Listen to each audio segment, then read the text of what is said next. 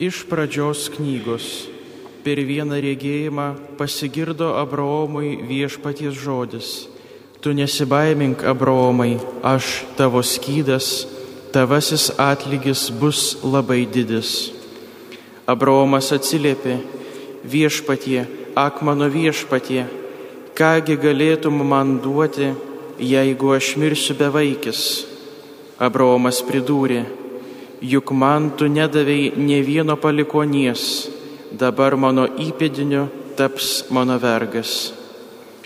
Ir jam pasigirdo viešpaties žodis, ne, jis bus tavo paveldėtojas, o tas, kuris kils iš tavo jo kūno, bus tavo paveldėtojas.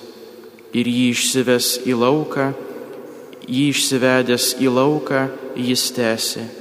Pažvelk į dangų ir suskaityk žvaigždės, jeigu įstengsi jas suskaityti.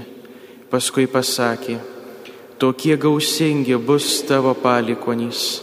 Abraomas tikėjo viešpačiu ir šis tai įskaitė jam į teisumą. Jisai kalbėjo, aš esu tavo viešpats, kuris tave išvedžiau iš Chaldėjos ūro, kad tavo nusavybėn atiduočiau šį kraštą. Abraomas paklausė, viešpatie, iš kogi aš pažinsiu, kad gaunu jį nuosavybėn. Tada jam viešpats atsakė, atvesk man trimetę karvę, trimetę ošką, trimetį aviną, vieną purplelį ir jauną balandį. Abraomas jam atvedė visus tos gyvulius, perkirto juos pusiau ir pusę sudėliojo vieną prieš, prieš kitą, paukščių tačiau nekapojo. Tada užpuolė skerdieną paukščiai plėšrūnai, bet juos Abraomas nuvaikė. Leidžiantis sauliai, Abraomui užėjo miego alpumas, jį apėmė didelė baimė. Saulė nusileidus ir gūdžiai sutemus, tarp mėsos gabalų praėjo kažkas, tartum rūkstanti krosnis ir liepsnojantis deglas. Ta diena viešpats sudarė su Abraomu sandorą, tardamas, aš tavo palikonims atiduodu šį kraštą nuo Egipto upės iki didžiosios upės Eufrato. Tai Dievo žodis.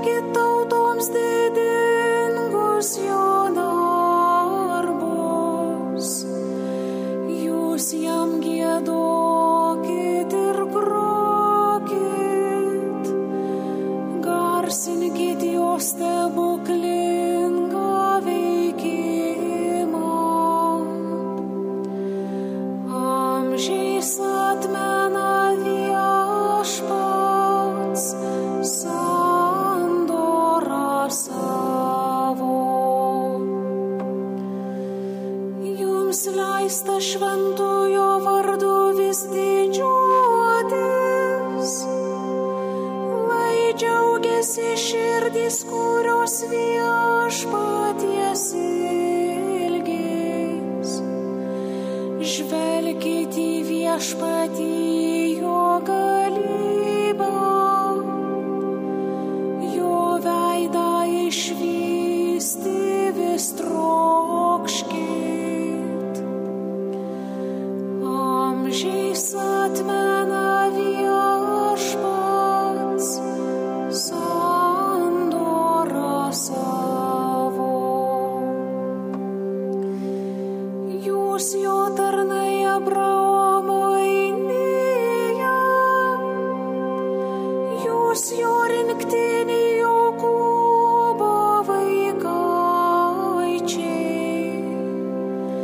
Dievas mums yra patsai.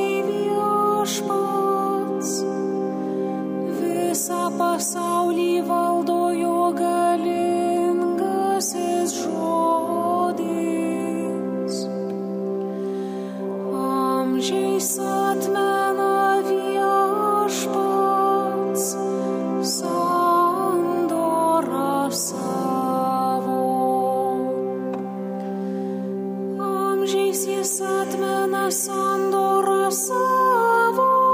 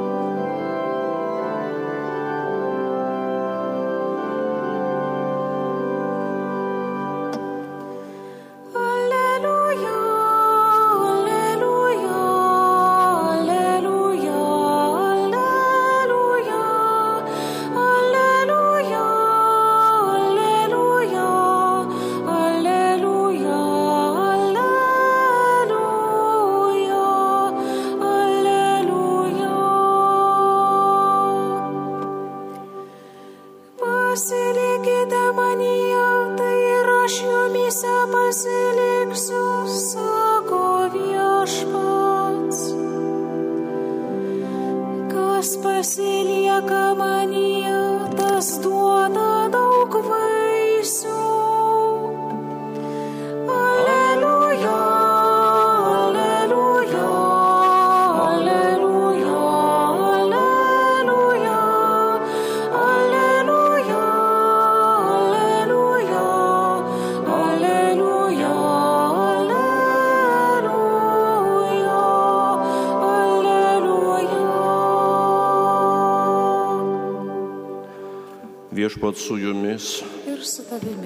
Pasiklausykite Šventojios Evangelijos pagal Matam. Garbė tau viešpatie. Jėzus bylojo savo mokiniams, sergykitės netikrų pranašų, kurie ateina pas jūs avių kailyje, o viduje yra plėšrus vilkai. Jūs, jūs pažinsite juos iš vaisių. Argi kas gali pasiskinti vynogių nuo arškiečių ar figų nuo ūsnių? Juk geras medis duoda gerus vaisius, o netikęs medis blogus. Geras medis negali duoti blogų vaisių, o netikęs gerų. Kiekvienas medis, kuris neduoda gerų vaisių, bus iškirstas ir įmestas į ugnį.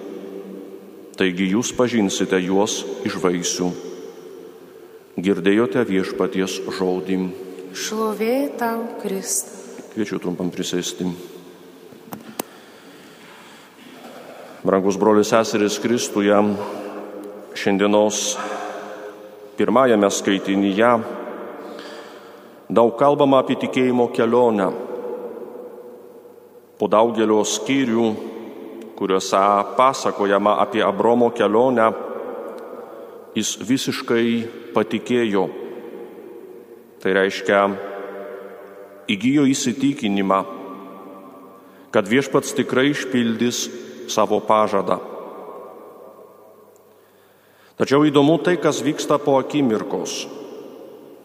Mūsų herojus toliau ieško tikrumo, norėdamas gauti iš Dievo ženklą. Tokia situacija gali mus nustebinti, jei pagalvosime, kad prieš akimirką Abromas atliko tikėjimo aktą. Tačiau tas dalykas yra labai svarbus, nes panašiai kaip ir mūsų dvasiniai kelioniai, taip ir jo lydėjo visą laiką. Savo esme tikėjimas yra nulatinė kelionė su viešpačiu, kurios metu galime patirti neaiškumų, abejonių, kai jų kyla, tuomet nuolankiai turime prašyti viešpatį šventos ištvermės dovanos, kadangi tikėjimas yra matuojamas ne jausmais ar žiniomis bet gebėjimu kasdien vienyti su Dievu.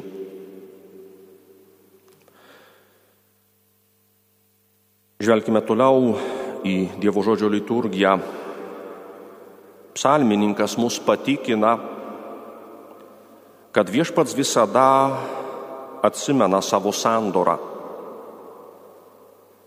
Remdamėsi Abraomo pavyzdžių, kasdieną pradedame dialogą kurio iniciatoriumi visada yra dangiškasis tėvas. Jis kiekvienam iš mūsų duoda įpareigojančius pažadus, kad išpirks mus iš viso blogio ir saugiai ves per visus sunkumus.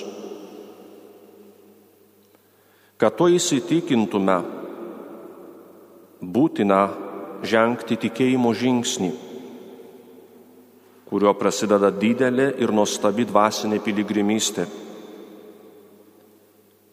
Dievas yra vadovas, kuriuo sekant neįmanoma paklysti. Gyvenimo kelią galime rinkti savarankiškai, remdamiesi tik daugiau ar mažiau stiprią valią.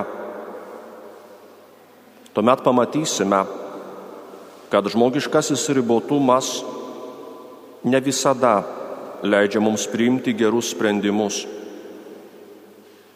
o kelias sekant paskui viešpati yra ne tik tikras, bet pirmiausia veiksmingas ir vaisingas. Pažvelkime dabar į Evangeliją. Jėzus savo mokymę dar kartą mini gamtos reiškinius. Jau buvo kalbama apie dangaus paukščius ir lauko lelyjas, o dabar atėjo metas kalbėti apie medžius ir vaiskrumius, avis ir vilkus. Kaip matome, Jėzui aiškiai patinka tokiu būdu išreikšti tai, kas neišreiškiama tai jo augimo Palestinos kaimo aplinkoje akilo gamtos ir aplinkinių žmonių kasdienio gyvenimo stebėjimo rezultatas. Niekada niekas taip nekalbėjo. Būtent ši nuomonė apie Jėzų patvirtina jo mokymo paprastumą ir aktualumą.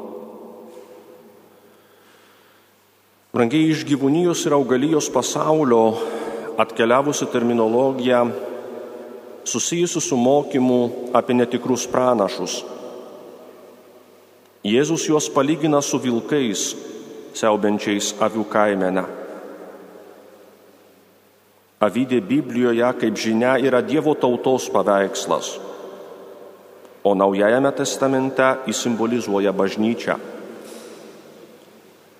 Senajame testamente platų šios temos išaiškinimą randame pranašų knygose, ypač Ezechielio knygoje, kur kalbama apie netikrus ganytojus, naikinančius Dievo mylimą Izraelio tautą.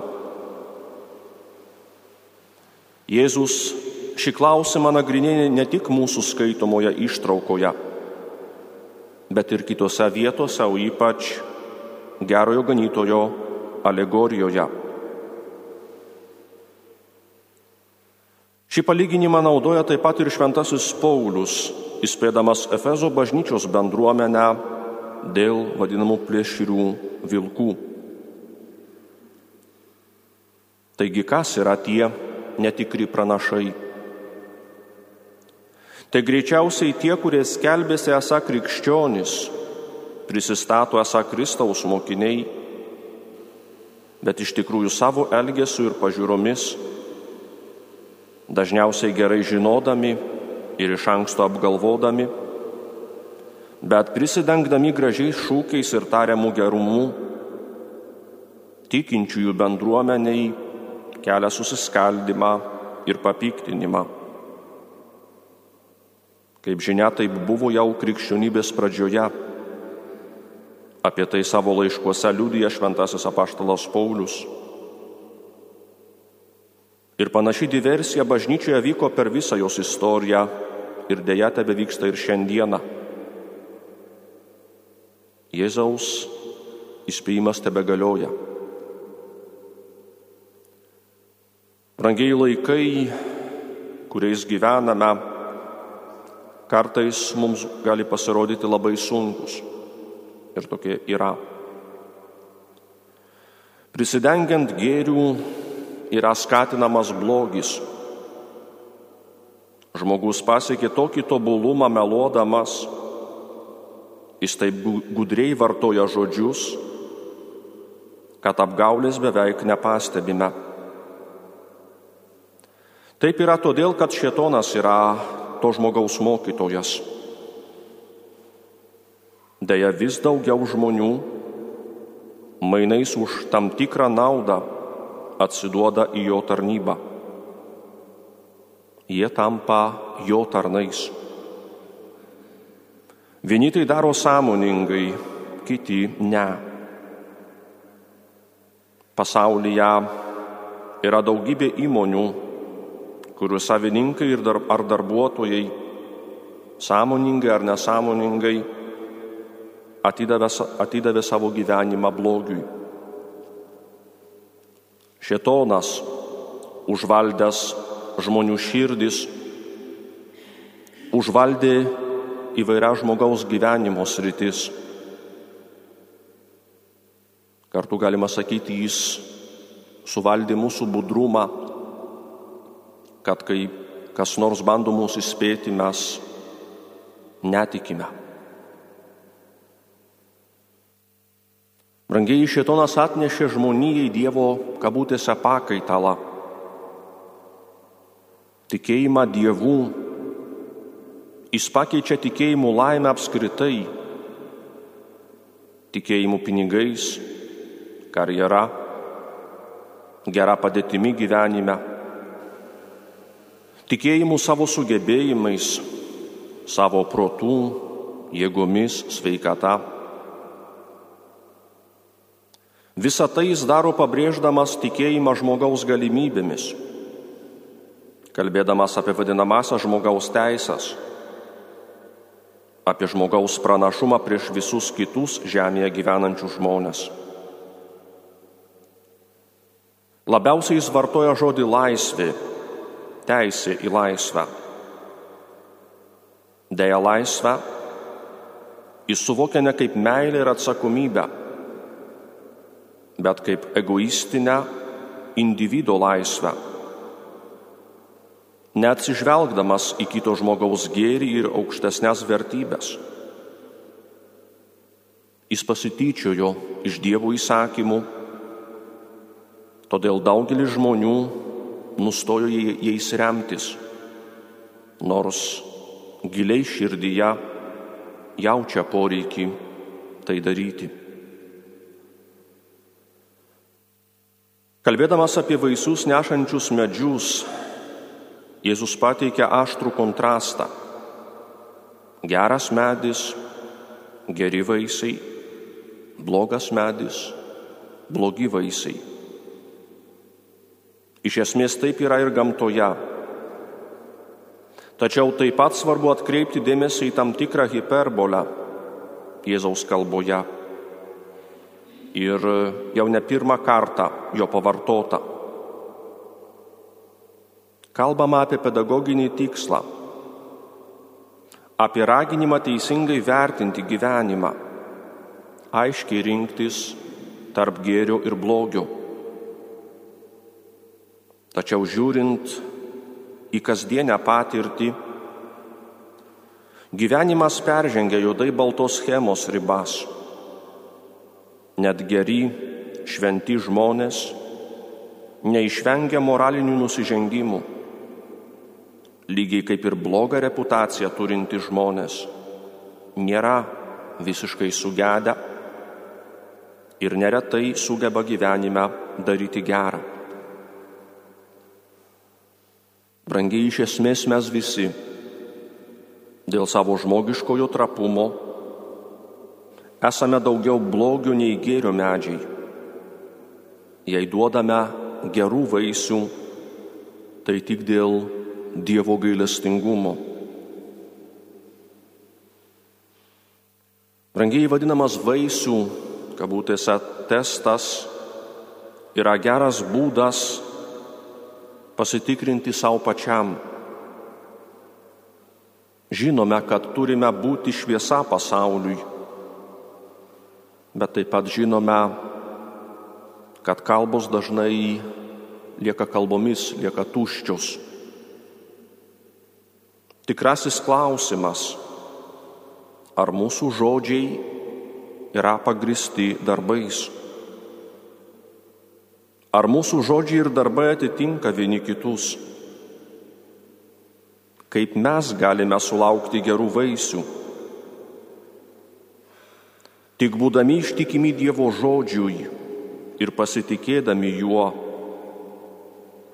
priimdami jo meilę ir malonę. Dažnai ir tarp tikinčiųjų pasirodo blogi vaisiai kadangi renkamės tik tai, kas mums patogiausia. Iš šventojo rašto išimame skirelius, kurie atrodo per griežti. Iš krikščionybės išimame kryžių, ignoruojame pasakymus apie paskutinį teismą ir nenorime kalbėti apie nuodėmę. Tai pigi krikščionybė, lygiai kaip restorane, kur maistas sudėtas ant stalų ir mes pasirenkame tik tai, kas mums patinka. Deja pasitaiko ir tokių netikrų pranašų, kurie skelbia tokią krikščionybę. Jėzaus palyginimai, matome, yra labai praktiški Jis pasirenka šį kartą medžius, kad visi galėtų suprasti ir prisitaikyti savo. Fygos medis buvo labai populiarus ir mėgstamas tų laikų Palestino žmonių.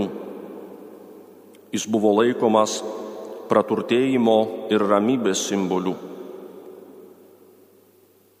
Taigi Jėzus nori pabrėžti, kad žmogaus gyvenimo vaisiai priklauso nuo to, kas yra pasėta jo širdyje ir nuo to, kaip mes leidžiame tai sėklai aukti.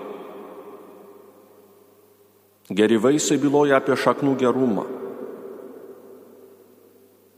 Ir Jėzus labai nori, kad būtume susijęs su juo kiekvieną dieną. Ir ne tik melzdamėsi ar skaitydami šventą įraštą, bet ir leisdami kitiems mus apkarpyti. Aktyviai klausydamiesi išgirstame tylų šventosios dvasios balsą. Tad kvietimas mums neišjungime jo, to šventosios dvasios kalbėjimo. Kai tas balsas kalba apie dalykus, kurių turime atsisakyti, kuriuos turime keisti. Prašykime šventosios dvasios pagalbos, kad galėtume atskirti netikrus pranašus, kurie skelbia palengvintą religiją arba liepia laikytis tik išorinių ritualų,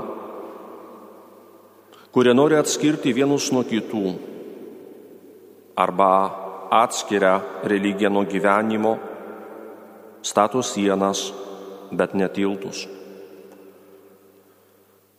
Užbaigime šį pamastymą Švento Augustino maldos žodžiais, kreipimus į šventąją dvasę. Alsuoki manį, šventoji dvasia, kad aš mąstyčiau, kas šventa. Uždeki mane, šventoji dvasia, kad aš daryčiau, kas šventa. Patrauki mane, šventoji dvasia, kad aš mylėčiau, kas šventa. Paremki mane, šventoji dvasia, kad aš vis skleiščiau, kas šventa. Globoki mane, šventoji dvasia, kad neprarasčiau, kas šventa. Amen.